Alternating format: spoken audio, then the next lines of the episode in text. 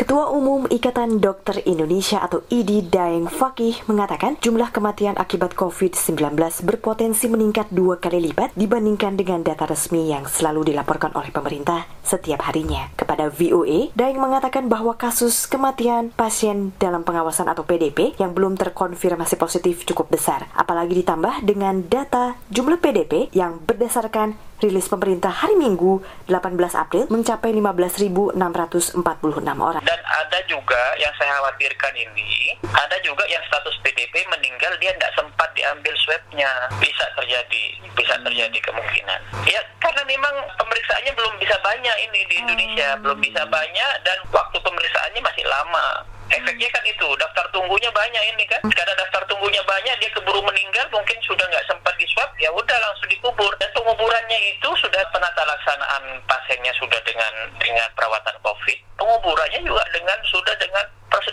Guna mendapatkan data yang benar-benar valid, Imbuh Daeng, maka instruksi Presiden Joko Widodo untuk memperluas cakupan tes harus dilakukan dengan semaksimal dan secepat mungkin. Menanggapi hal ini, juru bicara penanganan kasus virus corona Dr. Ahmad Yuryanto menegaskan bahwa angka kematian yang dilaporkan setiap hari kepada publik adalah data resmi pasien yang meninggal karena COVID-19.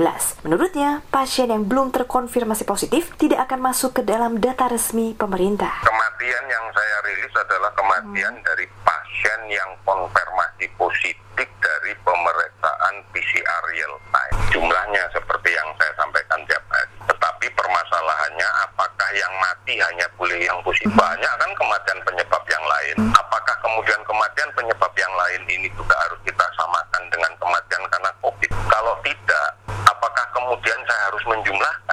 Punya data yang kematian dari pasien yang belum dinyatakan konfirmasi positif. Apakah kemudian saya harus mengatakan bahwa itu juga positif?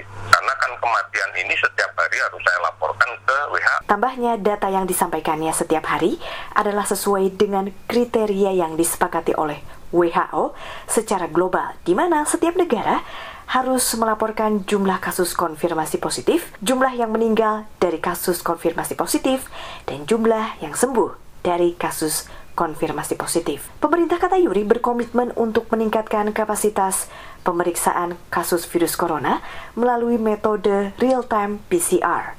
Dengan 35 laboratorium yang sudah ada saat ini, kendala yang sering dihadapi adalah kurangnya jumlah reagen sebagai penunjang untuk melakukan metode PCR tersebut.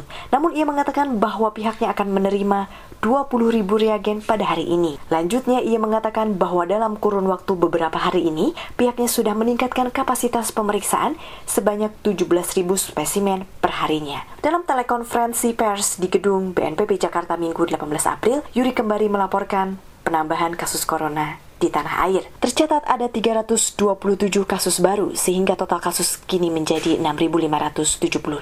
55 pasien pada hari ini sudah diperbolehkan pulang, sehingga jumlah pasien yang telah sembuh mencapai 686 orang. Sementara 47 pasien meninggal dunia, sehingga total jumlah korban meninggal dunia menjadi 582 orang. Dari Jakarta, Gita Intan melaporkan untuk VOA Washington.